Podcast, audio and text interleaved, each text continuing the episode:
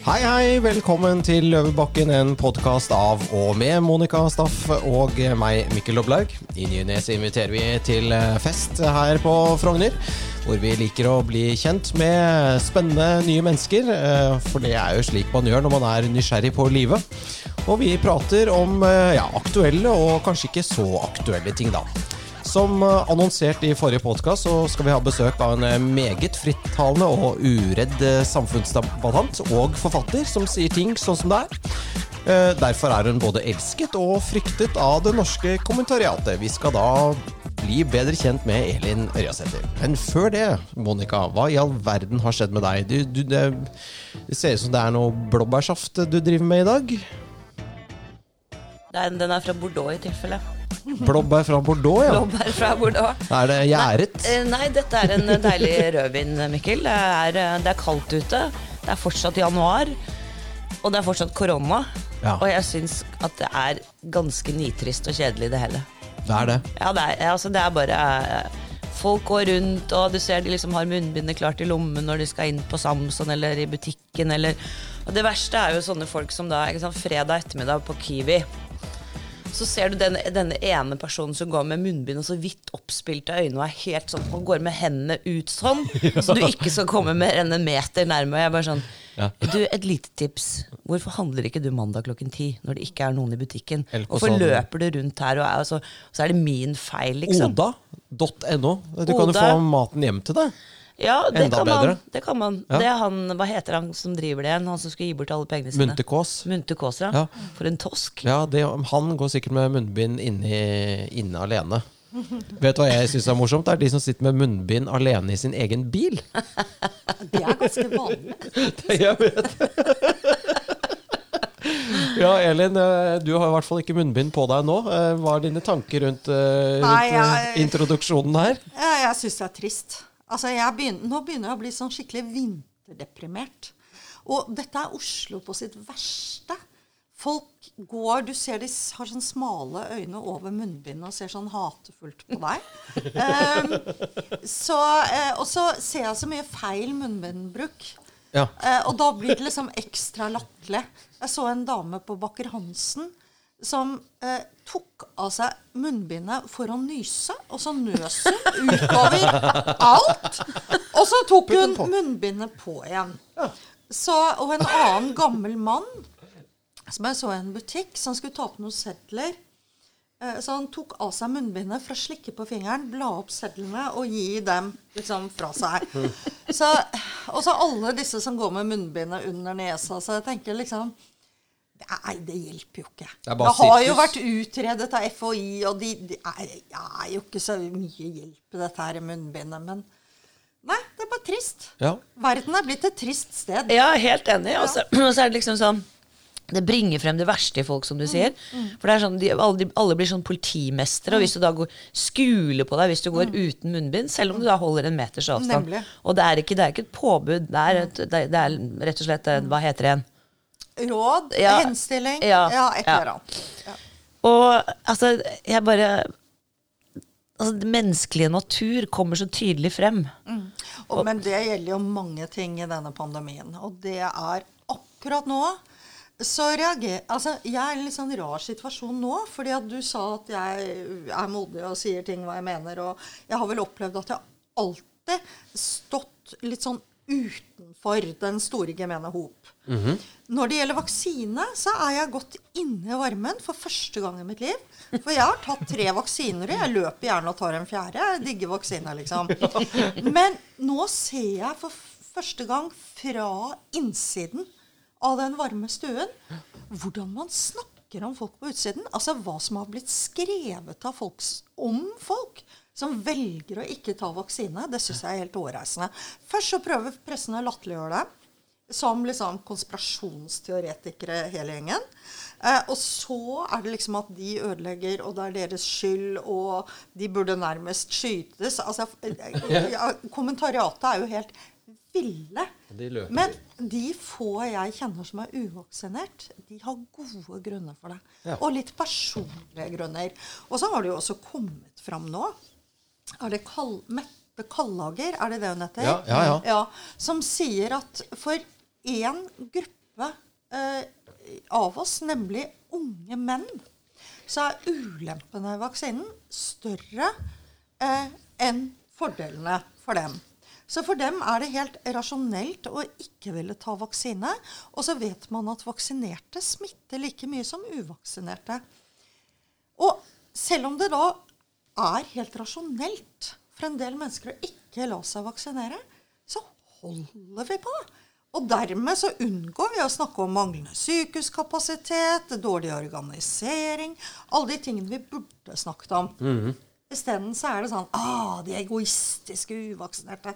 Men er ikke det alltid sånn i samfunnet, så liksom metadebatten, at man ønsker å skape et fiendebilde Ja. av noen? Det er alltid oss mot dem. Ja. Altså det Vi er enkle dyr. Ja, vi er enkle. Vi er egentlig bikkjer. Vi er en flokk bikkjer, vet du. Vi skal bare ha tak i liksom Hvem er det vi kan tråkke på? Hvem Ja. kan vi liksom jokke på? Hvem kan vi dytte på? Altså, Ja. det, og, men, det, men for å være litt alvorlig, jeg, jeg syns jo i hele denne koronatiden at, at jeg blir litt deprimert, rett og slett. Jeg syns um, det er så mange sånne litt grunnleggende viktige ting som vi ikke har brydd oss om.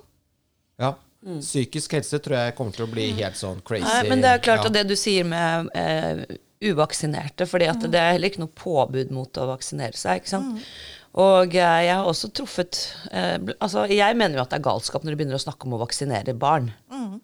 Altså, Det er ingen grunn til det. Nei, altså, de blir lett forkjølet av dette her, kanskje. Ikke sant? Og, og også altså, voksne, friske mennesker under Jeg vet ikke hvor grensen skulle gått, det er med 50 år.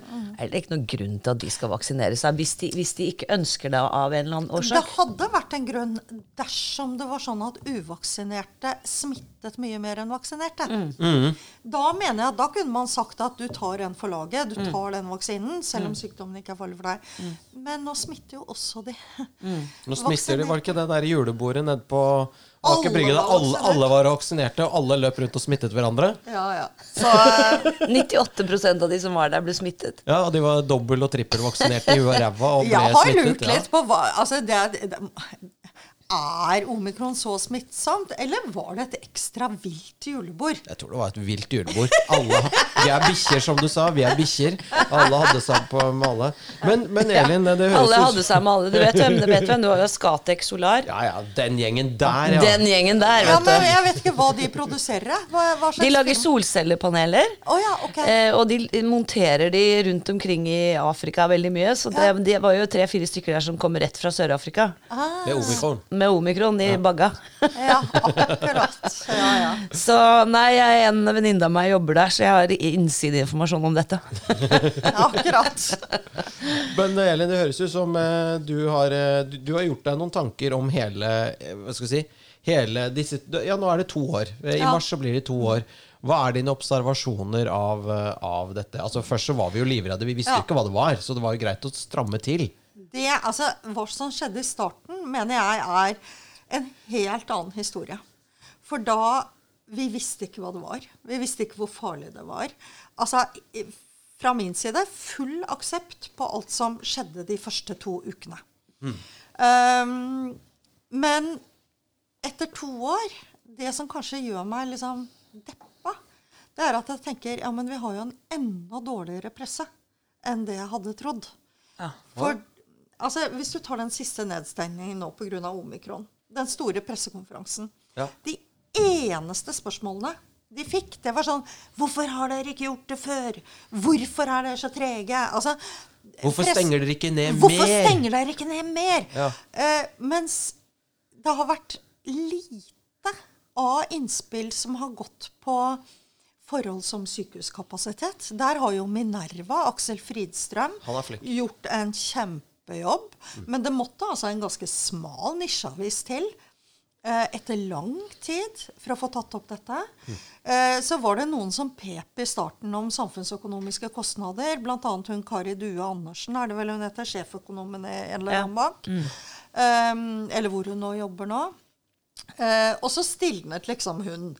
Men kostnadssiden når det gjelder barn og unge, studenter Jeg, jeg syns den Det har ikke vært rom for å diskutere det. Jeg hadde jo ett eh, en sak i Nettavisen. Det var vel høsten Nå husker jeg søren meg ikke om det var 20 eller 21, men det var på et tidspunkt det gjaldt teaterne. Hvor i en FHI-rapport gikk det fram at det var så å si ikke smitte. Mm, I, på når folk og sånn. sitter med annethvert sete og sitter fast Altså, det er ikke noe smitte der. Likevel så ble jo, eh, måtte teaterne stenge ned. Og så hadde jeg en sak i Nettavisen hvor jeg eh, sa hvorfor det. Um, Gud fader, for noe innlegg jeg fikk. Pål T. Jørgensen i TV 2, han eh, Altså, hvis, hvis en tekst kunne skrike, så var det et skrik. Hvor eh, hovedpoenget hans var jo at jeg da ville at folk skulle dø. At jeg Ja. eh, En grusom død, at de skulle bli langsomt kvalt. Og som han sa, hvor mange lik skal du ha hvert år, Ørjasæter, før du er fornøyd? Og så svarte jeg at jeg vil ha 40 000 lik, jeg, for det er det som er naturlig avgang i Norge. 40 000 nordmenn skal faktisk dø hvert, år. Og nå er det færre. Vi har underdødelighet. Så siden du spør hvor mange lik jeg vil ha, jeg vil ha 40 000. Ja, jævlig bra. Jeg digger det. Du bare double down, liksom. Og så, og så skrev jeg også det. Og han sa er du ikke klar over hvor grusomt det er å dø av korona. Ja, men Pål T. Jørgensen, er du ikke klar over at det å dø er faktisk som regel ganske grusomt? Oksygenmangel, dette med å bli langsomt kvalt, som journalistene står og sier «Åh, her blir folk langsomt kvalt. Ja, men altså, oksygenmangel det er stort sett det folk dør av. Ja. Enten det er liksom den ene eller andre diagnosen, så er det grunnleggende at de ikke klarer å puste selv. Og det har aldri vært gøy å dø. Nei. Og det vi på en måte må jobbe for, som jeg syns blir veldig borte, det vi må jobbe for, er at folk får best mulige dødsleier når de en gang skal dø. Og For det skal vi vi jo. Vi skal dø alle sammen. Og noe av det som skjedde, i, eh, var jo at folk døde alene. Folk fikk Mm. Ja, ikke lov å komme ikke- inn på sykehjem og ta farvel. Grusomt. Se for deg at moren din eller faren din eller en tante som du er skikkelig, skikkelig glad i, ligger og skal dø. Alene. Og alene. Gå ut og inn av bevissthet. Og så er det ingen der. Ja, det er grusomt. Ja, Og det, det eneste pårørende vil, er å være til stede. Ja, Men nei, det noen, eh, det får de ikke lov til. var noen på gamlehjem også som sa det at eh, det eneste grunnen til at de eh, syntes det var hyggelig å leve, var at de gledet seg til å få besøk av barnebarna to ganger i uken. Mm. Men nå som barnebarna ikke kom lenger, så var det jo ikke noe vits i å leve. Det var litt sånn, Da ville heller få korona og møte barnebarna og dø, enn å sitte der i tre år og dø, liksom. Men det er jo veldig rart at vi egentlig aksepterer dette, syns jeg. fordi at det var en på kontoret hos oss også, faren hans lå og døde på sykehjem uten at de fikk komme inn. Men vi aksepterer det jo. Og jeg har en veldig syk mann som ligger på Ullevål nå, og nå er det besøksforbud på sykehuset. Så liksom jeg, får, jeg må liksom for aller nådigst lov til å komme en gang om dagen på ettermiddagen en time. Nå, nå er jeg ikke veldig nøye på om det er en time eller to, altså. Men allikevel. Er det pga. korona at de har strammet inn? Ja. Er besøksforbud på Oslo universitet, universitetssykehus. Alle sykehusene. Det er bare Og så fin, vi finner oss i det, da. ikke sant? Det er det. Ja, og det er jo summen av alle disse tiltakene. Fordi at noen har jo en god smittevernfaglig begrunnelse, andre har overhodet ikke det. Men fordi journalistene eh, og hele pressen er så lite interessert i å sette seg inn i disse avveiningene, så får vi jo ingen diskusjon. Eh, og akkurat den der siste pressekonferansen var jo helt sjokkerende å se hva NRKs journalister var opptatt av. Dette er statskanalen vår. Og det eneste var sånn Ja, hvorfor ikke mer? Hvorfor ikke før? Men har liksom den fjerde statsmakt gått fra å være kritisk eh, til makten til å bli en sånn moraliserende posør, på en måte? Ja, det sånn er det jo. Ja, Det var et godt uttrykk, Mikkel. ja. Altså, De er jo en moraliserende posør. Og når det gjelder denne vaksinedebatten, Ja. så syns jeg NRK har tatt en helt sånn komisk eh, en, eh, Blitt en litt komisk profil. For de er blitt sånn der, litt sånn streng søndagsskolelærer. Det er sånn Vi intervjuer Anton fra Rogaland, 25 år. Før var jeg en egoist. Men nå har jeg skjønt at jeg må ta vaksinen Jeg har rett flere sånne. Og jeg tenker, De behandler jo folket som barn. ja. Altså, De skal oppdras.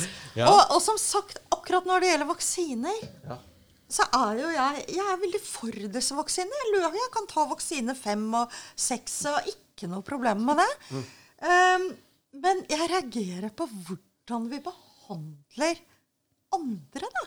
Kan ta et annet valg. Ja, og så har du da eh, det at vi, vi finner oss i det. Vi finner oss i alt mulig. Sånn som nå, det der siste nedstengningen tror jeg var helt unødvendig.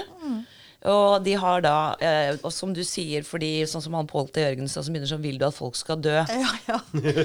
Og da, da tenker jeg hva, hva, hva tenker de om at folk mister jobben sin? Ikke Ja, sant? men Mister næringsgrunnlaget Ja, ja. sitt? Hva, hva som er følgen av det? Og som du sier det, samfunnsøkonomiske regnestykke. Fordi at vi må faktisk også akseptere at noen dør, og kanskje noen også dør unødvendig. Det kan skje. Ikke sant? Fordi noen sjanser må du ta. Men når Erna Solberg sier at én død er én for mye, så tenker jeg ja, hva med alle de andre som lider i kjølvannet av dette, som faktisk ikke er døde, men som skal leve? Ja, Ja, og Det verste er jo at hun lyver, for staten har jo sjablonger på dette her. Når de bygger en vei, så sitter jo Statens vegvesen og ser på skal vi ha midtdeler eller ikke. Ja, nei, det er kanskje én trafikkulykke annethvert år. Ja, da gidder vi ikke å lage midtdeler, for det er så dyrt. Altså, på Man måte, regner jo på de det i alle pris. andre sammenhenger. De har en pris på dette Ja. her. Sånn at, men i For ikke det snakke om pris. dy dyre medisiner, Mikkel. Ja, ja, da, det da ja. regner de på deg. Ja, Men, du er gammel og skal dø snart, da får du ikke medisin. ja, Ikke og, Eller, og, eh, ja, nei, eller medisinen er for dyr i forhold til hva man kan anta at den gir Så, så de tar det ikke altså du så får, får det ikke, rett og slett. Uh, Så uh, jeg syns jo det var veldig rart. Altså, I ettertid har jeg tenkt Har jeg drømt det? Sto ikke Erna på TV og kondolerte? Det var Norges første koronadødsfall, og det var altså en mann på godt over 90. Og så tenker jeg, ja, men Og jeg ble veldig opprørt, fordi at eh, 14 dager etter nedstengningen så opplevde jo jeg en eh, gutt på 29 år som tok livet av seg. På grunn av dette, eller? Det vet vi jo ikke. Nei. Han var veldig deprimert. Men jeg har jo selvfølgelig tenkt Hjalp ikke. Det hjalp ikke Nei. at Norge ble nedstengt. Nei. Og for meg er bare en 29-åring så Altså, det er så forferdelig når unge mennesker dør. Ja, det er ikke Eh, og, og liksom jeg, jeg, Det var jo en mor som skrev en sak om dette i NRK nå, som hadde mistet uh, sitt barn, som var vel omtrent på Var han litt yngre da?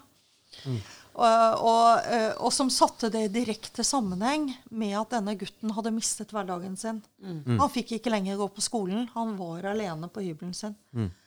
Så, og disse tingene må man da kunne diskutere uten å bli anklaget For å være massemorder. Ja, for å ønske folk død. Men hva, hvorfor Men det- men har det det- blitt sånn? Hva Nei, jeg- skjedde med samfunnet? Liksom? Hvorfor har vi blitt sånn? Nei, vi, har ikke blitt Nei, sånn. har ikke, nei, ikke vi. For, nei, nei, men jeg, nei, men jeg tenker at veldig mange ikke er sånn. Ja, men du, så det er pressen ikke sant, som, som setter opp altså, de, de er hysteriske i forhold til dette koronagreiene. Og det er helt riktig som Elin sier. Det er ikke ett kritisk spørsmål om hva har dere gjort med kapasiteten i disse to årene dere har hatt mulighet til å gjøre noe med den. Ja. Som er, svaret er null.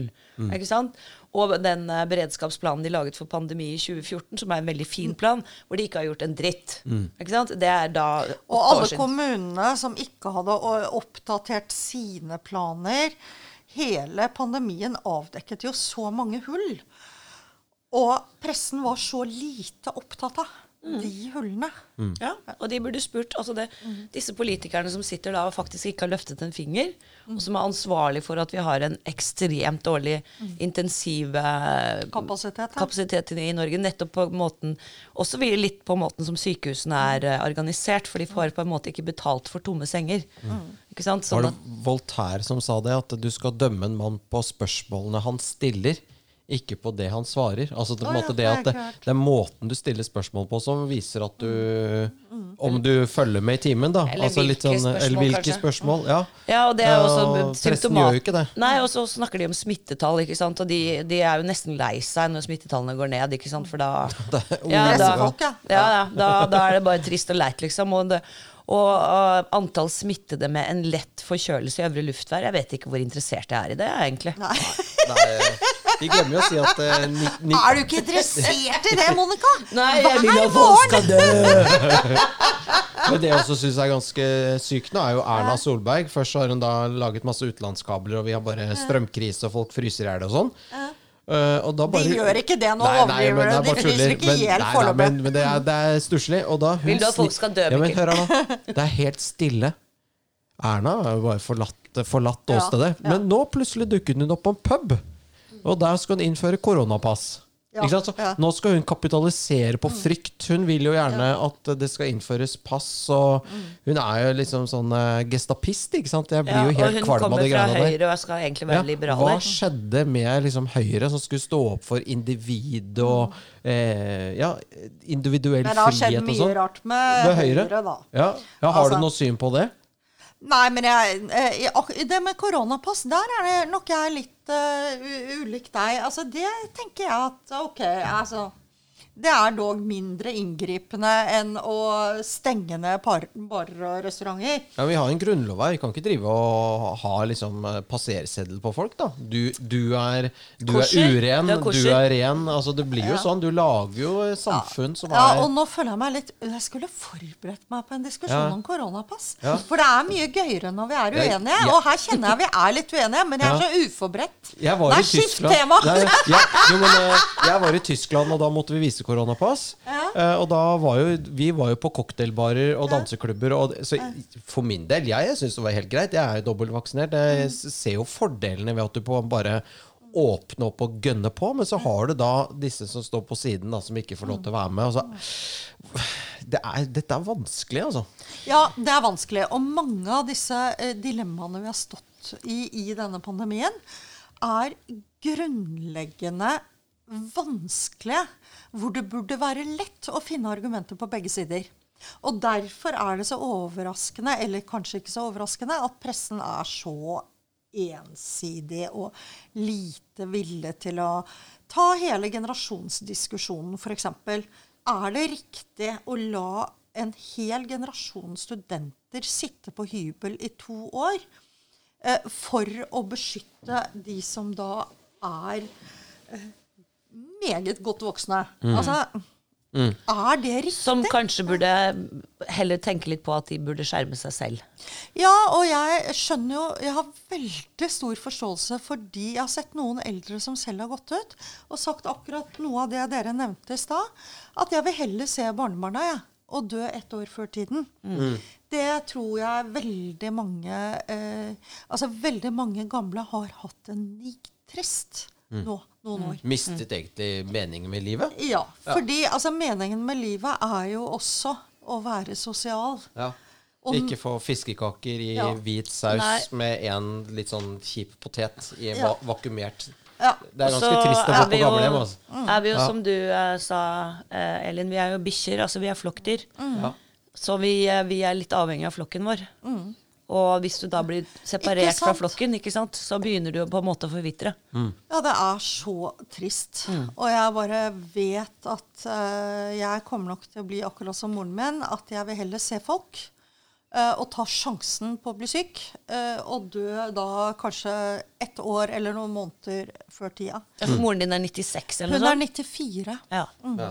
Ja, da har man jo sett og Ja, hørt da, mye. da hadde ikke jeg heller hatt så veldig angst for om jeg liksom Nei, skulle dø i morgen ikke- eller om tre kvarter eller ett år. Nemlig. Hun har ikke noe angst for å dø, men hun vil gjerne se folk, og det har hun gjort. Ja.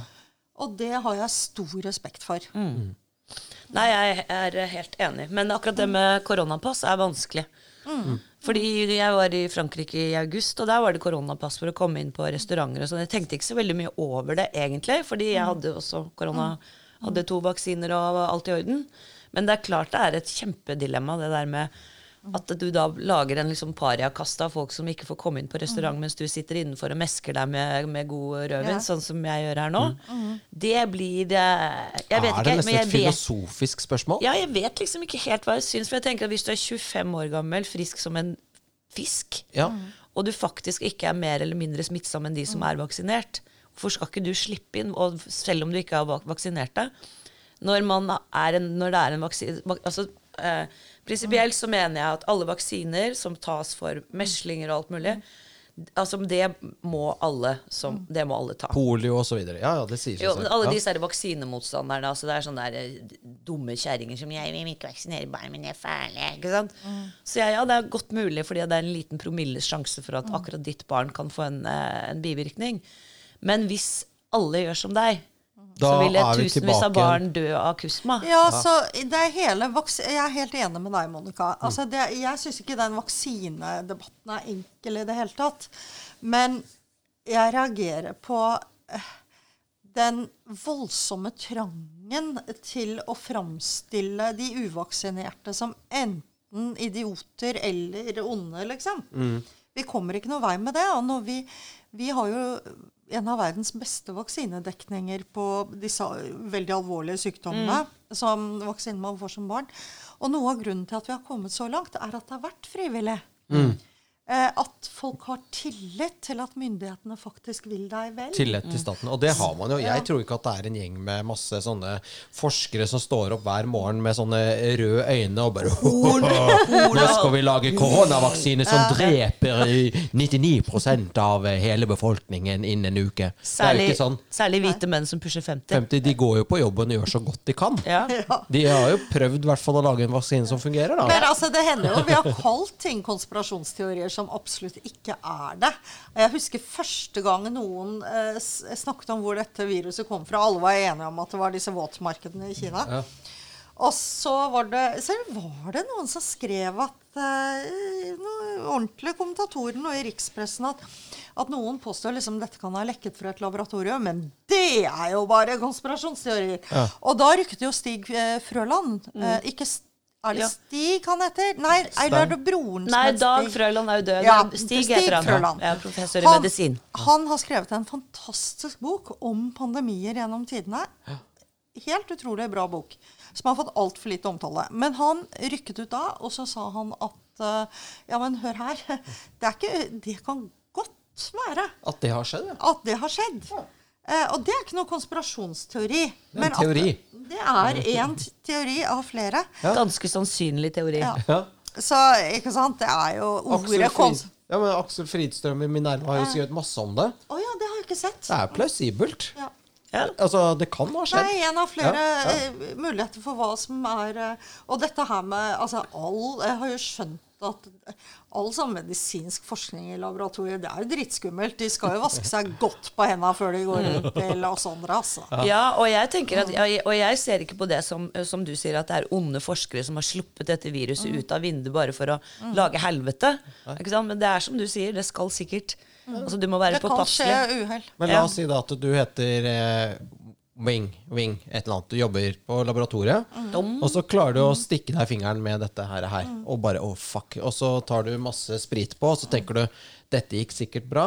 For du er jo i kommunist-Kina, da, så hvis du går til sjefen og sier det som har skjedd, så blir du antageligvis eh, sendt Chopped. eh, altså det, Konsekvensene er så store at det er nesten bedre bare late som ikke noe har skjedd. Så reiser du hjem til din kone og nusser på henne, og så er vi i gang. Og da er det ikke noe konspirasjon eller noe ondskap, det er rett og slett bare slurv. Et uhell, ja. Uhell, ja. Og det Ja. kan jo skje. Ja, det er riktig, det. Fordi at eh, sant, jeg holdt så nede. Og, og at jeg er liksom livredd si for å gjøre feil. Ja. Eh, jeg har, er en av de forferdelige menneskene som har hatt au pair. Uff da. Eh, Grusomt. Og de aller fleste av de, noen fra Sri Lanka, eh, og noen fra Filippinene. Men det som er gjengs med eh, fordi da kommer jo de fra en kultur hvor dette er veldig, veldig gjeldende.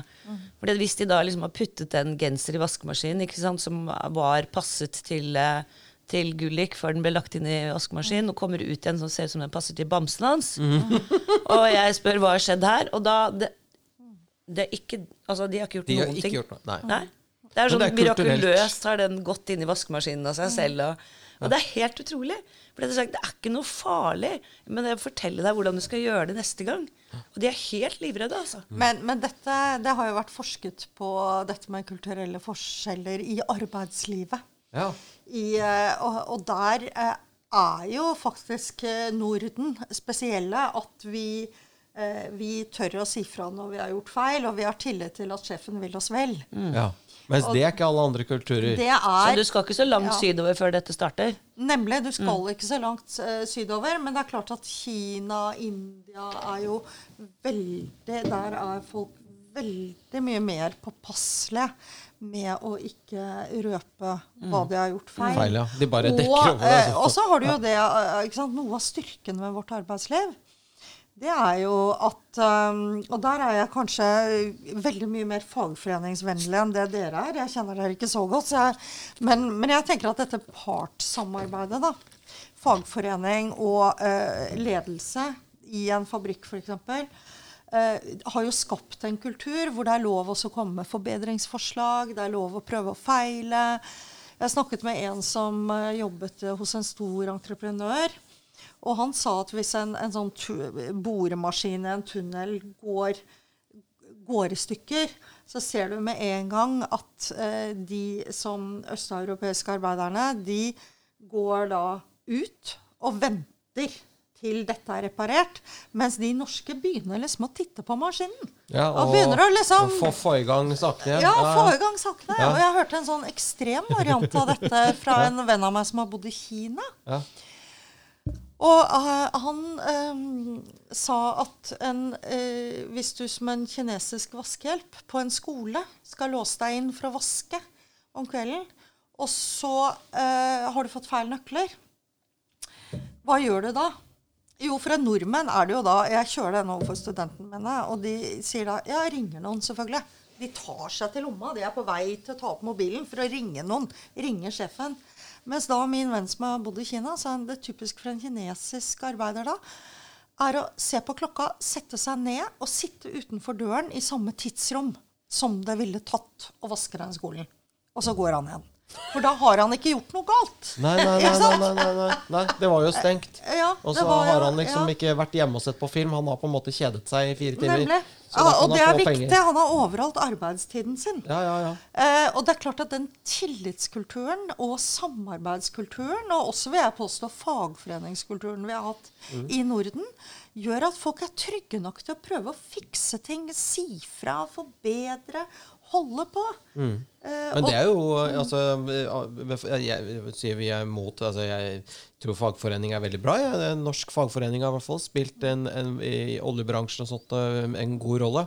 Jeg tror Det som er farlig, er hvis en, en fagforening blir liksom en stat i staten, eller, en, ja. Eh, eller at den dominerer arbeidsplassen. sånn som man, Jeg tror liksom tilbake til 70-, 60-, 70-tallet så kanskje fagforeningene var så sterke at de var en trussel mot bedriftens overlevelse. Ja, veldig altså, forskjellig, veldig liksom, forskjellig fra bransje til bransje. til bransje. Men sånn som det er nå, så tror jeg man mm. spiller på lag. Ja. Og nå ser du jo LO og fag, Det er jo fagforeningene som går ut og, og tyner regjeringen for mm. høye strømpriser. Fordi ja, fagforeningen vet For de vet at uh, hvis dette fortsetter, så har ikke de noen medlemmer. For da har alle fått sparken, for da er ikke noe fabrikk. Så det er ganske kult. Det funker, mm. det der, altså. Ja. Det er ikke de slemme direktørene med flosshatt som løper rundt og klager over strømprisene. Det er fagforeningen. Ja. Nei, det, akkurat det er jo en, en komisk eh, konsekvens av, eh, av dette med altså, Vi hadde et, eh, hva heter det, et egalitært samfunn. Ja, eh, med, med, adel og ikke sant, alt dette her. Nei, det heter ikke egalitær. Føydalt er ordet du leter etter. Ja, når vi hadde føydalherrer i Norge mm. og, ikke sant, og hierarkier og sånn. Vi har egentlig ikke hatt det, Monica. Og så kommer Nei, vi har nei, ikke da, det. Jeg er enig med deg, Det er ikke det som er poenget, da. De Svenskene hadde. Ja. Nei, altså mitt poeng er at de som da sant, var på, altså, Som dannet fagforeninger og fikk eh, lagt rettigheter for husmenn mm. og bønder og alt dette her, ikke sant de har nå på en måte blitt eliten. Altså disse mm. politikerne som kommer, særlig i Arbeiderpartiet, ikke sant? Eh, hvor de har plassert folkene sine rundt. De er strategisk veldig smarte. Mm. Men de ser ikke selv at de er nå blitt sin egen verste fiende. Altså Det er den fienden de hele tiden. Altså de rike, de som bestemmer. Sånn som når de avslørte den derre eh, WhatsApp-gruppen som vi er medlem av, Mikkel. Mm. Avslørte den hemmelige Hva var det? DN. Skrev ja, om det tre Var det det der i forbindelse med kona til Vara? Nei. Nei. Nei, det er, en, det er, bare en WhatsApp-gruppe som heter Politikk. Det er masse medlemmer. Det ja, det var litt komisk, ja. for de avslørte vel egentlig noe som ikke var så veldig spennende. Det var ikke noe avslører i det hele tatt. Det Nei, var masse altså, journalister som var medlem der òg. På det, det, tidspunktet var vi 129 medlemmer i denne gruppen, men de skulle prøve å bruke det politisk.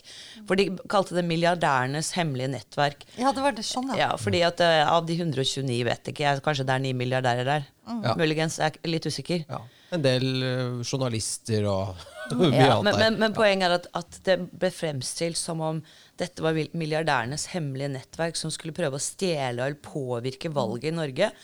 Og så bare, vi bare, altså Jeg holdt på å le meg i hjel. Sånn, hvem er det som kan påvirke noe som helst inni den gruppen her? Vi har jo ikke noen ting vi skulle ha sagt. Vi må bare sitte og finne oss i all den dritten vi blir servert av politikere. og, så, og så kommer pressen, som faktisk er de som kan påvirke.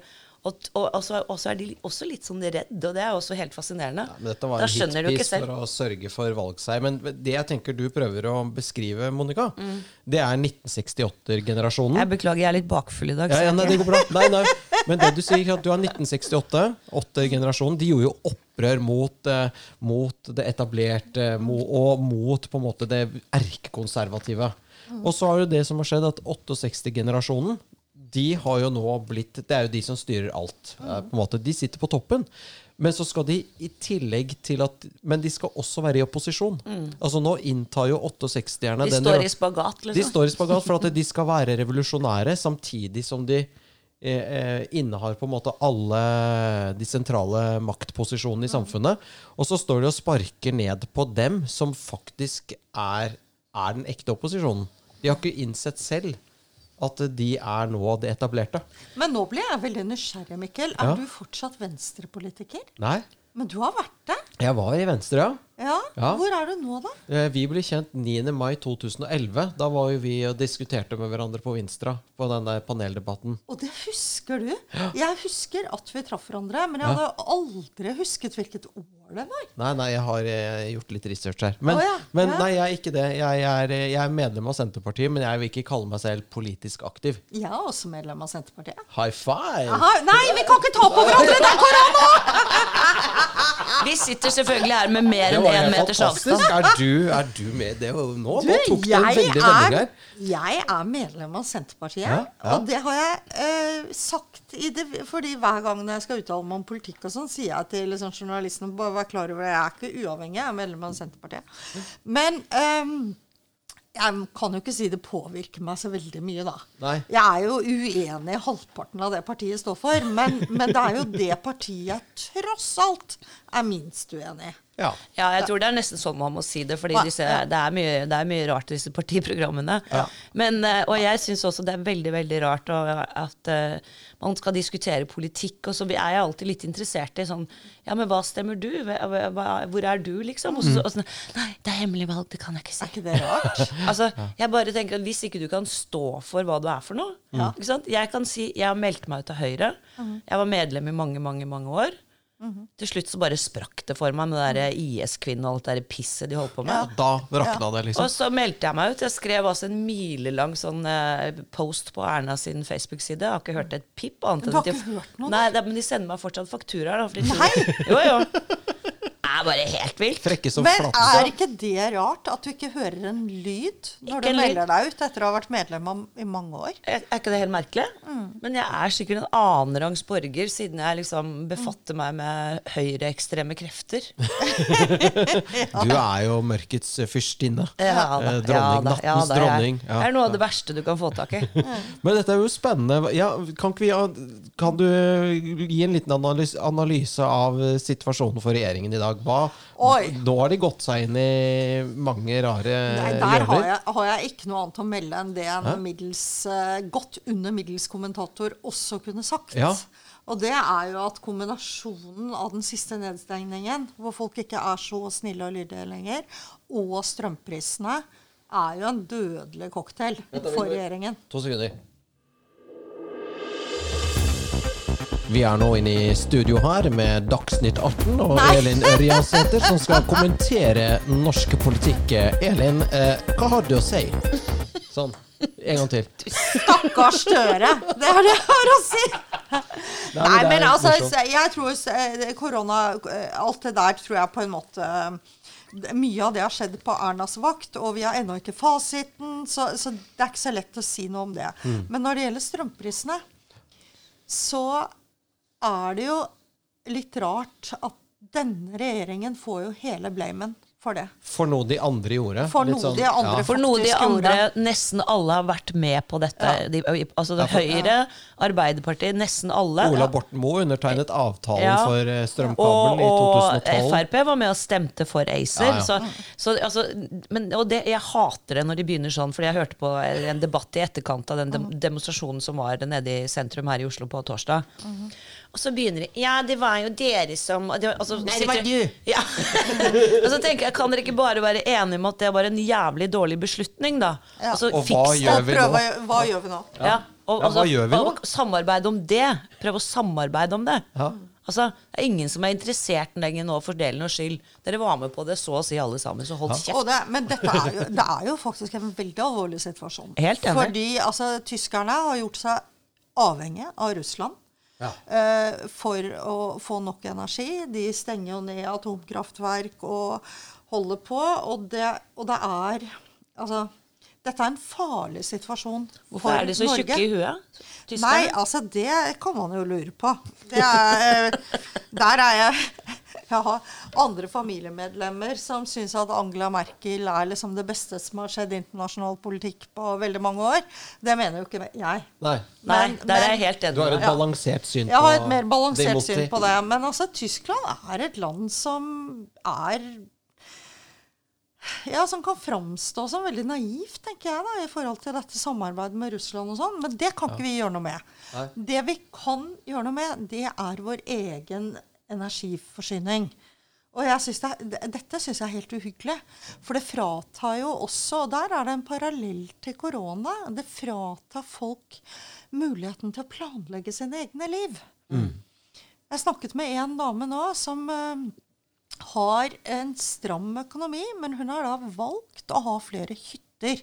Fordi hun, hun ønsker å ha en bolig i nærheten av barna, men hele hennes liv handler om liksom friluftsliv. Ja, være ute. Være ute, og hun har to store bikkjer, og liksom Og det å da på en enslig, ikke særlig høy pensjon, holde to hytter oppe i fjellheimen det, det, så ser hun Og plutselig ser jeg at det går ikke lenger. Fordi strømprisene er liksom tredoblet. Og hun sitter jo da igjen med følelsen av at jeg gjorde faktisk en veldig god plan for mitt liv. Og nå funker det ikke lenger. Og det ser vi. Jeg tenker på alle de unge parene med stram økonomi som har kjøpt digre hus, kanskje litt utafor byen, og tenkt liksom at dette skal være vårt paradis. Og så plutselig tenker jeg men her har vi ikke råd til å bo. Nei, det bor deg i hjel. ja, og Det, det er noe sånn veldig opprørende når det kommer Når politiske beslutninger gjør at folk mister herredømmet. Flinke folk som har vært gode til å planlegge. At de helt mister herredømme over egen økonomi. Det opprører meg. altså. Ja, dette er, det er Vi lever i et kaldt land. Ja, det, det er, vi bor oppe i Nordpolen, liksom. For det første så har vi verdens grønneste energi, altså vannkraft. Og det er en av våre komparative fortrinn. Og tyskerne har vært ute etter denne strømmen helt siden starten av forrige århundre. Men sånne folk som Sam Eide og Christian Birkeland, de sa fuck it. Vi skal ikke være en råvareleverandør. Vi skal bygge industri på dette ved at vi har billig, tilgjengelig og rikelig med, med kraft eller strøm. Og så klarer disse her tullingene i løpet av liksom, ti år å bare fucke opp hele greiene. Det bort. Og så står da Nikolai Astrup også på denne debatten og sier at det har med forsyningssikkerhet å gjøre. Ja, den skjønner jeg ikke. Da blir jeg, så tenker jeg, For hvem da? For tyskerne, da, antagelig. For det er i hvert fall ikke for oss. For importen gjennom disse kablene er jo minimal. Vi har forsyningssikkerhet, for vi har Ja, hatt kabler Vi har hatt det siden 60-tallet. Vi har hatt forsyningssikkerhet siden vi begynte med vannkraft. Så det er liksom altså, Nei, dette, dette, dette går på veldig sånn grunnleggende ting. Det er eh, å ha nok mat til at du kan overleve, og være varm. Det er liksom, Ingen hadde jo drømt om at akkurat det skulle bli tatt fra folk. Nei, det er helt Nei, så det, det blir spennende å se hvordan, eh, hvordan Støre og co. skal takle dette. Og jeg syns jo at han har et eh, relativt begredelig mannskap med seg, så Vi får se hvordan det går. Du, men eh, ja. Syns du det? Nå må vi gripe inn, Mikkel. Nå må vi forsvare Senterpartiet eh, her. Har ingen grunn til å gjøre foreløpig. Eh, generasjon forsiktig nevnte du da du kom inn døren her i dag, Ja, ja, eh, Elin. Da ble Monica og jeg litt nysgjerrig. Generasjon forsiktig, hva, hva er dette for noe? Det er jo den Det at det er så mange unge folk som er så redd for å si noe som krenker andre. Åh, Det- krenk, krenkeriet. Ja, krenkorama. Ja, Ja. Krenkorama. Ja. Jo, men det er ikke bare woke, skjønner du, selv om det er en del av det. Men um, Er det PK? eh, mm, Nei, det er vel jeg vet, Det er en blanding, tror jeg, av at de er opplært på skolen til at uh, alt kan liksom kalles mobbing. Og Alt. bli, uh, blir man lei seg, så er det de som gjorde en lei seg, sin skyld. Eh, det er ingen som lenger lærer ungene våre å være robuste. Og jeg så nå sist så jeg et oppslag for en ukes tid siden hvor det var en ungdomspolitiker som var så opprørt, for han hadde fått noen unge medlemmer av partiet, jeg tror det var Høyre, til å liksom skrive noe lokalavis. Og så hadde disse unge jentene fått så mye stygt i kommentarfeltet at de aldri ville skrive mer. Og han sa at dette er typisk eh, hvite menn som pusher 50. Han sa ikke det, men det lå tjukt mellom altså, oss voksne, liksom. At vi jager disse stakkars unge ut av politikken. Og så tenkte jeg, ja, men hvor var du? Du var lederen i ungdomspartiet. Kunne ikke du sagt til de jentene at jøss, dette var gøy, jenter. Se de tullingene som går amok i kommentarfeltet. Yes. Kjempefint! Og, og så sier de nei, det er så fælt og sånn. Gønn på, skriv da- én til. Ja. Skriv en til! Ja. Og liksom, eller han kunne eventuelt sagt at hvorfor gidder du å lese det tullet her? Ja. Nei, nå skal vi heller se hva noen mer seriøse folk svarer. Jeg begynte jo i E24 selv da jeg var eh, godt opp i 40-åra. Jeg var eh, Nei, gud! Det må ha vært Jeg er så dårlig på tall. Ja. Nå er, nå er, jeg, nå er jeg straks 60. Og dette var i 2007. Så da var jeg vel i slutten av 40-åra. Ja. I hvert fall. Og jeg hadde ikke skrevet en nettavis før, og jeg skrev noen saker, og det var jo haraball i kommentarfeltet i hat mot meg. Ja, ja. Og jeg ble jo kjempelei meg, og stakkars meg, og, uh, uh, ikke sant? Og da lærte jo mine unge kolleger meg, de oppdro jo meg til å bli mer robust og le av det og eh, på å si ta det på den måten du bør ta det.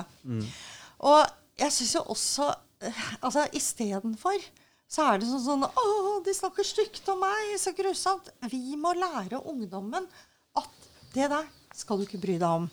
Det er um, akkurat som ikke sant, Det startet jo med disse EØS-regulativene og direktivene på hvordan en lekeplass skal se ut. Og hvilket grusunderlag det skal være under husken. For at hvis du faller av husken og slår deg, så er det underlagets feil. Altså, og du bør bare tenke Lær ungen din å holde seg fast på husken, og at det har konsekvenser dess høyere fart du får, dess mer kan du slå deg når du faller av. Og det er også, ikke sant, og det er helt normalt å bli lei seg. Ikke sant? Det må være lov å være lei seg. Men det liksom Men det betyr ingen- ikke dermed at du har rett til å stoppe kjeften på alle andre. Nei. Og det er eh, Når jeg underviser, så underviser jeg også i ytringsfrihet i arbeidslivet. Og alle studentene er jo sånn Ja, ja, vi skal ha full ytringsfrihet, og det er kjempeviktig. Eh, men man skal ikke si noe som gjør andre lei seg. Og så prøver jeg liksom å forklare at det, altså det er klart, jeg karikerer det litt nå, men, men det er litt holdningen blant mange unge mennesker. Eh, og det bekymrer meg. Jeg så Carl I. Hagen hadde gått ut mot noen ungdomspolitikere i Innlandet på et eller annet miljø eller noe sånt. Og, Og da fikk han tilbake at de kan bli så lei seg at de ikke vil drive med politikk mer. Og det han hadde sagt, var jo bare helt sånn normal politisk eh. Ja, ja. Men jeg husker jeg ble sint på deg en gang. Ja. Jeg syns du trakasserte en fyr på sosiale medier. Ja, men det gjør jeg hele tiden, eller? ja. Men, men akkurat da så var det fordi det var en litt spesiell situasjon hvor du hadde en posisjon hvor jeg syns du ikke skulle gjort det. Ja, det er vi enige om. Ja, ja men du ja, ok. Ja, for du, du er enig i at eh, Ja, ja. Jeg kjeftet på deg fordi du hadde kjeftet på han. Så, Dritten renner nedover. Ja. så det er ikke det at jeg sier at alt er greit, men ting har gått for langt. Og så er det jo en annen ting. Altså det, Facebook er jo blitt det nye kjøkkenbordet. Ja. Folk sitter og slarver eh, og sier dumme ting og morsomme ting og sånn om hverandre. Det virker på meg som om noen folk jager rundt på Facebook for å finne alt det fæle folk har sagt. Jeg treffer folk som sier sånn 'Elen, 'Elin, stakkars deg. Jeg ser du liksom har altså, jeg, Å, hva er det nå?' 'Ja, det de skriver så stygt om deg på Facebook.' Så sier jeg 'Hvor da?' 'Nei, det var på noen sin tråd'. Ja, men jeg er ikke på den tråden. Ja, ja, hvem- jeg, er hvem, ikke, jeg er ikke venner med fem millioner nordmenn på Facebook. Og det, det blir litt som om jeg skulle storme inn på kjøkkenet kjøkkenet til to tullinger som sitter og baktaler meg. Inn på kjøkkenet deres Ja. og si 'Dere får ikke lov å sitte på deres eget kjøkken og snakke stygt om meg'. Altså, Vi kan ikke holde på sånn. Nei, vi vi, må, vi må bare overse veldig mye mer. Uh, og så er det klart at i den grad folk kommer med trusler og sånn, så blir det et litt annet bilde. Men, men veldig mye handler jo bare om at folk sitter og prater. Tull Prate skit Da er litt sinna og ja, litt forbanna. La dem nå Ja. være det. Og så er jeg også veldig sånn at folk, at folk ikke tåler noe. Men altså, humor har jo også blitt farlig. Sånn som du og jeg har jo holdt på litt på Twitter, Mikkel, for det er rett og slett fordi vi har syntes det har vært ganske gøy. Twitter er jo Jeg orker ikke være på på, Twitter. Twitter. Nei da, men også når med, med eh, Tredal og sånn, ikke sant? Ja, ja, ja. Og så, og så Dere kom er til Tredal. Ja. Dere, det er, Det er gøy. Ja. Det er, så, det er såpass gøy at han, eh, han har blokkert meg. Han har ikke blokkert meg. Jo, fordi at han la ut et bilde av sin egen datter, som jeg syns var ganske drøyt å gjøre i utgangspunktet. Men Ja. det var godt nok bakfra da, i barnehagen, hvor hun hadde en sånn brannmannshjelm under armen. Og så skrev han 'første dag i barnehagen etter et eller annet annet'. Og eh, mesteparten av dagen gikk med til å slukke imaginære branner, for hun er sikkert veldig opptatt av brann og brannmenn og Ja. sånn. Og så skrev jeg under 'Kanskje dere har snakket litt for mye rundt frokostbordet om at kloden brenner'? Ja, ja, ja. Det var jo morsomt. Jeg Ja. syns den var dritmorsom. Og da ble det helt stille i fjøset. De har ikke humør, og de har ikke humor. Det er bare blodig alvor hele tiden. Så jeg kan vi ikke tulle med noen ting? Kan ikke dere le av det og synes at den var litt morsom? Selv om dere mener at jeg da er eh, en eller annen høyreekstrem nazist som sikkert går rundt hjemme med uniform. Ja. Nei, men altså det, Tredal er jo um, Han er jo veldig aktiv på sosiale medier. Eh, og uh, det hender jeg syns han er morsom. Men jeg skulle ønske at han kunne verdsette også på en måte humor fra den kall det gale siden. Mm. Dette er jo ekstremt moralistiske folk, rett og slett. Ja, det er presteskapet. Men, men jeg har ikke orket å være Altså Jeg beundrer at dere to orker å være på Twitter, for jeg orker ikke det lenger. Nei, jeg er, jeg er der veldig sjelden. Men altså, dette er de samme folkene som hadde vært svovelpredikanter på bedehus på Vestlandet for 100 år Ja, siden. Ja, ja. Akkurat samme Eller medlem av Rinnan-banden. Nei, nå Nei! Mikkel, vet du hva? Nei, Den syns jeg var for drøy. Ja, men det er jo, jeg, jeg, jeg elsker å være litt drøy, da. Ja, nei, men Nei, ikke sant? Det første du sa, var morsomt. Ja, det andre var var ikke morsomt. morsomt. Ja. Så um, Og det må du tåle. Det skal jeg tåle. Nei, Ja. hun er så slem mot meg. Ja. Nei, jeg tar det tilbake. Selvfølgelig Ja. er det ikke Rinnan-banden. Nei. Nei. Not. Mikkel Dobla mener likevel ikke at uh, Tredal er å sammenligne med Rinnan. Nei. Oi, oi, oi. Nei, det er ikke det. Men, men, men vi er jo da blitt eh, Vi, eller Hvor kommer denne hårsårheten fra? Kommer det fra en foreldregenerasjon som har vært veldig opptatt av at barna ikke skal få skrubbsår på knærne sine, eh, får i seg tran, tran, vitaminpillene sine, kommer på fotballtrening i strøkne boksershorts eh, Altså på en måte Ja. eh, ja. Det var jo det du nevnte, Monica, Ja, med disse sånn. underlagene på lekeplasser. Det har faktisk en verdi å lære seg at det er vondere å falle på asfalt enn på gress. Ja. Eh, så ja, det er vel litt sammensur. Pampered, pampered generation. Liksom Ja, sånn bleie det er vel et sammensurium av mange forskjellige ting. Men, eh, Og så har du det politiske elementet. Mm. Men, eh, og det er jo, syns jeg, fryktelig ja, bekymringsverdig at folk blir så lei seg av å diskutere politikk at da lar vi være. Da er det noen emner vi aldri kan diskutere. Nei, men bare se på USA nå. Det er jo altså, det er jo familier som har gått i stykker pga. Trump og sånn. Altså, det er jo liksom eh, Jo, men altså, det er sånn Barna vil ikke komme hjem til far på thanksgiving for at han eh, har Altså, det er jo helt sjukt, liksom. Går det ikke an, Jo, liksom, men, å bare USA, være jo, men venner? USA er spesielt. For Det er der, det begynner jo å bli et veldig splittet samfunn. Ja, det er kjempeskummelt. Og det er kjempeskummelt. Men det har jo begynt her og det, har begynt her, men vi har det jo egentlig ganske idyllisk, da. Jeg mistet faktisk én venn pga. hytteforbudet. Ok, ja, ja. Ja, ja. han mente at du var helt gal? Ja, Han sendte en mail og sa han aldri mer ville Jeg skulle slette all kontaktinfo, ville aldri mer høre fra meg, aldri mer ha noe med meg å gjøre. Dette må du fortelle litt mer om. Dette er veldig spennende. Nei, Du ble altså cancelled. Ja. Og det var altså hytte for Jeg var jo en av de kanskje nærmest den ene som gikk imot uh, hytteforbudet. Ja, du var den ene. Ja, og det var jo fordi at jeg hadde lest FHI-rapporten, og jeg så det sto jo ikke et lyd der om uh, hytteforbud. Og FHI uttalte seg til og med at hytteforbudet var kontraproduktivt Ja. i forhold til smittespredning. Uh, og så ble det gjennomført allikevel, og det var jo beredskapshensyn da som kanskje hadde en, en, en, en begrunnelse i noen ganske få norske kommuner. Kanskje én eller to eller tre. Indre Trangefjord og Jeg, jeg, Runkebotn. tenker, jeg tenker vel øverst i Hallingdal. Ja, ok. Langt til sykehus Ja. og stor ansamling hytter. Ja. Men fordi disse ordførerne da var veldig redde, så gjennomførte man et forbud som gjaldt i hele Norge. Uh, og f.eks. i Nord-Norge ikke hadde de smitte. Og Nei. de som har hytte i Nord-Norge, har det ofte i nabokommunen. Eh, som, og der er det jo så få sykehus at du kan banne på at hytta di sogner til akkurat samme sykehus Ja. som boligen din.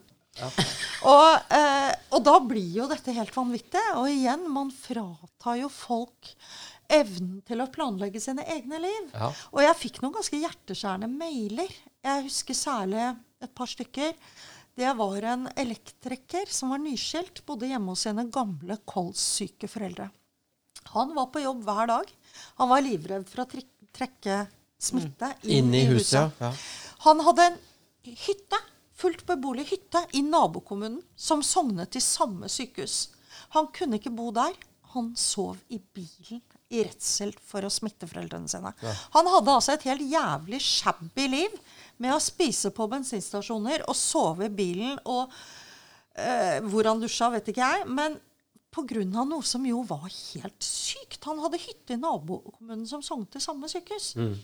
Og hele den debatten om ja, Jeg fikk jo flere mailer, herregud. altså Det var jo folk som Jeg husker særlig et gammelt ektepar som hadde en, en sånn fin, dyr hytte. Typisk sånn som folk forakter. Dyr hytte. Huff a meg. Eh, Med og de- strøm og ja, og de hadde Vann, da da. en alvorlig hjertesyk datter. Ja. Og eh, hun ønsket å gå i selvvalgt isolasjon på deres hytte. Hvilket hun kunne gjort. Men de kunne jo ikke bruke hytta. Nei, Så var- derfor måtte hun fortsette å bo midt i Oslo. Og, og det liksom Disse tingene syns jeg er så opprørende, fordi det hadde ingen smittevernfaglig begrunnelse. Men Og så godta godtar sånn. vi det allikevel. Og herregud, som jeg ble latterliggjort for det der, altså. Ja. Um, og det, men det er jo bare én av mange ting. Men, men det skaper jo en sånn grunnleggende utrygghet. Ja, staten kan si at barn ikke får gå på skolen. Eh, staten kan stenge ned virksomheten din, eh, ruinere livsverket ditt, som kanskje er en restaurant, en pub, en, en scene, hva det er for noe. Eh, og staten kan nekte deg å bruke din egen eiendom uten noe god begrunnelse. Og, og det er liksom det, det gjør noe med tilliten vår. Og jeg sier ikke at denne nedstengningen var feil, for det aner jo ikke jeg. Men jeg lurer på hvorfor skjer dette som ikke kan begrunnes? Mm. Og hvor er norsk journalist? Altså, hvor er pressen? Ja, hvor er de? Hvor er de? Ja. Ja. Det er ganske Ja, for jeg drev jo, Vi har jo hytte i Øyer kommune. Ja. Og jeg drev og fulgte med på disse smittetallene i Øyer kommune nettopp under hytteforbudet. ikke sant? Det var null, null. ja. Og det er altså tre skritt fra Lillehammer sykehus, som er et kjempebra sykehus.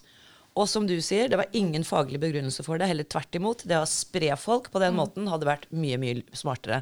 Ja. Så jeg bare tenker, gjorde de det fordi at de tror alle som har hytte i Norge, har en svær, diger kåk av en hytte på Hafjell? Så at nå skal vi faen meg ta Nå skal de rike Ja, få sånn kjenne var, på sånn det. var jo debatten. Som om alle hadde en kjempe De kjører SUV og Tesla og går i nikkers, og de har strøm på i gåsetegn hytta. Ja, ikke sant. Og, men, men faktum er jo at det, flere, altså det er ca. 450 000 uh, hytter i Norge, og over halvparten av oss har tilgang til en hytte gjennom familie. Flertallet av disse hyttene er er, vanlige hytter. helt vanlige hytter, og flertallet av disse folkene er helt vanlige folk. Mm. Uh, og eh, og så er det jo det at i anstendighetens navn, også de rike bør faktisk få lov å ha tilgang til sin egen eiendom. Fordi det viktige her er jo Hadde det en faglig begrunnelse. Eh, Jeg har også en, jeg har en leilighet i Øye kommune. Og som du sier, det er et steinkast fra sykehuset, og det er tre timer kjøring fra Oslo. To og en halv, kanskje. Og latenstiden var da sånn at du visste veldig lang tid i forveien hvis du ikke følte deg bra. Alle med hytte på Hafjell Kunne kunne kjørt hjem til Oslo hvis problemet var at Lillehammer sykehus var overbelastet, hvilket da for øvrig ikke var. Så liksom, det var så mye hat. Og Øye kommune var en av de få hvor politikerne ikke uttrykte seg eh, Eller la oss si Ja, det, det sånn, de uttrykte back. seg vennlig overfor sine hyttefolk. Mens i, oppe i Hallingdalen altså, Ja, I Hemsedal var det jo helt- mayhem. Liksom. Der skulle de jo sette inn politiet hvis folk kom på hyttene sine. Så det ja. ikke komme Ja, politi det er og komme og ta deg. Ja. Det gjorde de i Larvik. Så snakket jeg ikke om politiet, men om Sivilforsvaret. Som, uh, for jeg har jo en hytte i Larvik kommune, og der befinner jeg meg egentlig mer enn jeg gjør i Oslo. Jeg har valgt å bruke alle pengene mine på en helårshytte i Larvik. Og så bor jeg og mannen og bikkja når vi er i Oslo, på 48 kvadrat på Storo. Så eh, jeg var på hytta i Larvik og så da Sivilforsvaret over hele Østlandsposten si at jeg skal personlig bære folk ut av hyttene sine. og så tenkte jeg ja, altså, jeg har investert i dette. Jeg bruker det meste av pengene mine på å bo på dette fantastiske stedet. Det er inne i skogen. Jeg ser ikke havet, men jeg kan høre det. Det er, ligger litt sånn øde til. Ingen der om eh, unntatt midt på sommeren. Og han skal altså komme og bære meg ut. Jeg fikk tillatelse av kommunen til å fortsette å bo der hvis jeg meldte flytting. Og det gjorde jeg. Men så ringte Dagbladet. Så ringte VG. Så ringte Østlandsposten. Og da tenkte jeg fader, nå Hvorfor, det hvorfor ringte de fordi du hadde meldt flytting? For å henge meg ut. Selvfølgelig, ja. For det var jævlig sleipt å melde flytting. For det er nemlig, for da var storyen at det var sleipt å melde flytting. Jeg hadde jo bare skrevet til kommunen og sagt eh, liksom og, og, og for meg er det jo hipp som happ, for jeg bor omtrent like mye. Jeg har tre steder, og jeg bor jo alle tre stedene. Og jeg har på en måte ordnet meg på en litt slitsom måte, fordi at ingen av dem er store nok til hele familien. Så vi kjører jo rundt. Eh, og- Ingen kan være på samme sted Ingen kan være på samme sted, for det blir for trangt. Men plutselig da så var mannen min og bikkja og jeg stappet inn i 48 kvadrat på Storo. Og vi visste jo ikke hvor lenge det skulle vare. Og det var jo derfor jeg begynte å fordype meg hvor er den faglige begrunnelsen her. Ja. Og det viste seg at den fantes jo ikke. Eh, Men det var jo folk som hadde Altså, vi er jo voksne mennesker, og bikkja syntes jo bare dette var kjempekos. Men, men eh, jeg fikk jo så mange henvendelser fra folk som eh, Noen var i en litt lik situasjon som meg. Altså et yngre ektepar med barn i skolealder. De hadde valgt å bruke sine penger, sin evne til å betjene et lån, på en hytte på Sjusjøen. Og bo da relativt trangt i Oslo. For hver helg så hadde de med ungene til Sjusjøen. Ja. I det ene øyeblikket hvor de har desperat bruk for den hytta, hvor skolen er stengt og mor og far skal ha hjemmekontor Alle går oppå hverandre og ja, skriker så og griner. alle går oppå hverandre og skriker og griner. Da får de ikke lov å bruke den hytta. Og dette, dette er noe sånn grunnleggende litt uhyggelig med det. For det var ingen grunn. Nei. Det var ingen smittevernfaglig grunn. Nei, jeg, jeg tror det var misunnelse. Syns du det er rettferdig at rike, vellykkede mennesker som kjører Tesla, og som har nikkers og som drikker champagne, skal få lov til å reise på de store hyttene sine med boblebad, innlagt strøm og vann, mens du må være igjen i byen? Det er jo, det, det er jo litt sånn Det er jo den måten å Det var sånn Ja. det ble Ja, det sånn framstilt. det det ble veldig latterliggjort, folk som hadde hytte. Og også blant, kall det, de rike. Altså, jeg hadde jo bekjente som var godt voksne, velstående pensjonister med hjertefeil, som var livredd. Eneste sted de lengtet, var til den der litt fete, fine hytta, eh, hvor de eh, kunne være langt fra folk. Ja, Og, og grave seg inn i vindkjelleren. ja, grave seg ned i vindkjelleren. Hvorfor kunne de ikke få gjøre det, da? Altså, Nei, det er jo, som du sier, en grunnleggende rettighet man har av å bruke sin egen eiendom. Ja. Så det er ganske skumle saker, altså. Ja. Jeg, det det, det syns jeg faktisk var skikkelig skummelt. At det, og, og hvor eh, kan du si underdanige vi var som fant oss i det. Ja. Det er nesten verre. Ja, vi hadde vel, tror jeg, syv-åtte temaer til på agendaen i dag. Men uh, siden eh, du, Mikkel, prater så jævlig Nei. Nei, det var veldig interessant å ha deg som gjest, eh, Elin. Og jeg tror vi kunne ha snakket en time eller to til. Men vi vil ikke slite ut tilhørerne våre, for jeg syns sånne podkaster på to og en halv time, da hadde jeg aldri giddet å høre på. Det hadde jeg. Ja, ja. Du Du kunne hørt det på vei opp på fjellet, vet du. Ja, ikke sant? ja da, når du kjører den digre bilen din opp på det svære gardsbruket du har oppe på Vinstra. Yeah! Ja, men Tusen takk for at du kom, Elin. Tusen takk for at jeg fikk komme.